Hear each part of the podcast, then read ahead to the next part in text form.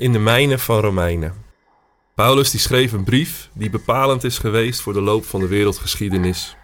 Een brief die ook wel de kathedraal van het christelijk geloof wordt genoemd. Een brief die erom vraagt om gelezen en herlezen te worden. Een brief waar je schatten in kan opdelven, waar je in kan graven en waar je in kan zoeken. Een brief van Paulus, speciaal voor jou.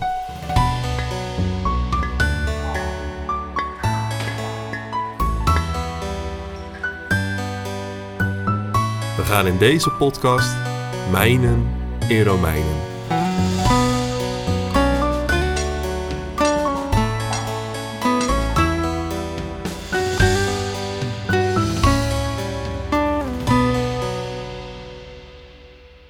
We lezen vandaag Romeinen 1 vanaf vers 1 tot vers 7.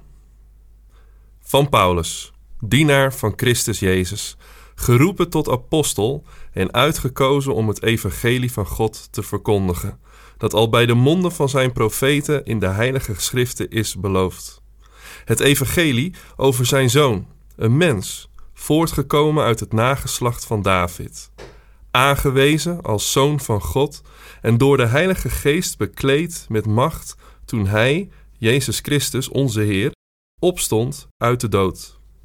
Hij heeft mij de genade geschonken apostel te zijn, opdat ik omwille van Hem aan alle volken gehoorzaamheid en geloof zou verkondigen.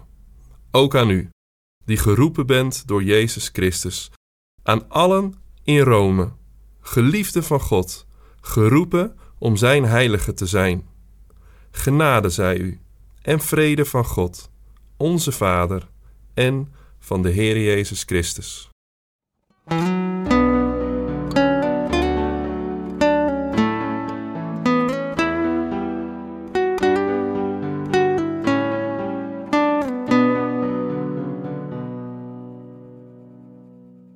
Misschien ken je dat gevoel nog wel. Dat gevoel wat je kreeg als er een brief op de mat lag. Alleen al het gegeven dat iemand de moeite had genomen om te gaan zitten, bladen papier vol te schrijven en op de post te doen. Bij het openmaken van de envelop voel je verwachting.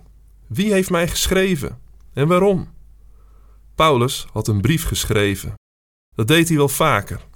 En we hebben vanmorgen in deze zeven versen de aanhef gelezen. Het wie, het waarom en het voor wie van deze bijzondere brief. Paulus identificeert zich eerst en voor alles als een dienaar van Christus of een slaaf van Christus. Jezus die als meester, als rabbi, de voeten van zijn discipelen waste. Hij liet zien wat liefdevolle dienstbaarheid betekent. Het spoor wat Jezus hiermee getrokken heeft, is het spoor waarin Paulus gaat. Als een dienaar van Christus is hij een dienaar van iedereen. Paulus is geroepen als apostel. In de Griekse vertaling van het Oude Testament is apostello de vertaling van het Hebreeuwse shalach. In de regel waren dit boodschappers die namens hun koning boodschappen overbrachten aan anderen. En de boodschapper bracht het woord van de koning en hij werd gezien als de koning wiens woord hij sprak. Een apostel is een gezonde vertegenwoordiger met een nauwe relatie met zijn afzender. En zo is Jezus een apostel van God. Hij is gezonden en vertegenwoordigt God. En Paulus is geroepen als apostel, een gezonde vertegenwoordiger van Jezus Christus, om het goede nieuws, het evangelie van God, bekend te maken. En dit goede nieuws is geen nieuw nieuws. Het is oud nieuws dat nieuw wordt. Het is de nieuwe boodschap dat Jezus Christus de vervulling is van de oude aankondigingen van de profeten van het Oude Testament van een Messias. Honderden jaren leefde er een diepe verwachting in Israël. De verwachting dat Gods betrokkenheid en verlossing zichtbaar zou gaan worden in een mens. Een mens die zou voortkomen uit het nageslacht van David. De opstanding van Jezus Christus uit de dood is het bewijs, volgens Paulus, dat deze persoon Jezus is. Hij is de aangewezene. Het evangelie van God over zijn zoon door de Heilige Geest bekleed met macht. Paulus opent zijn brief dus met een wat we wel zeggen een trinitarische beschrijving van wie God is. Veel wordt duidelijk in deze eerste verse. Paulus vertelt wie hij is, namens wie hij gezonden is en met welke boodschap hij gezonden is. Paulus maakt ook duidelijk voor wie dit goede nieuws is waarmee hij op aarde gestuurd is. Het goede nieuws is voor alle volken, voor jou, voor mij, voor elk mens op de aarde. Aan alle volken verkondigt Paulus gehoorzaamheid en geloof. En de enige gewenste reactie op het evangelie is die gehoorzaamheid en dat geloof. Het is niet zomaar goed nieuws. Het is goed nieuws dat vraagt om een reactie. Een reactie die Paulus samenvat in de twee woorden die aan onze kant van de medaille staan: gehoorzaamheid en geloof in dat evangelie. Wat dat betekent, gaan we in de komende weken zien. Paulus beschrijft degene in Rome als geliefde van God, geroepen om zijn heilige te zijn.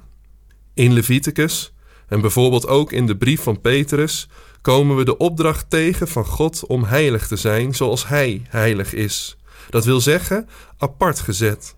Jezus heeft zichtbaar gemaakt in Zijn weg hoe dit eruit ziet, wat het betekent om heilig te zijn. In navolging van Hem zichtbaar te maken wat het betekent om geliefd te zijn door God. En dit zichtbaar te maken in liefde tot God en tot de mensen om ons heen. Dit mogen we doen in de genade en de vrede van God onze Vader. Paulus schrijft een brief aan jou, aan jou als geliefde van God.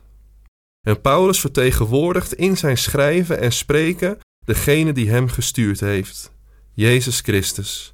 Hij is het die spreekt en je door de woorden van deze brief heen roept tot geloof, zodat je mag leven in de genade en vrede van God van onze Vader en van onze Heer Jezus Christus.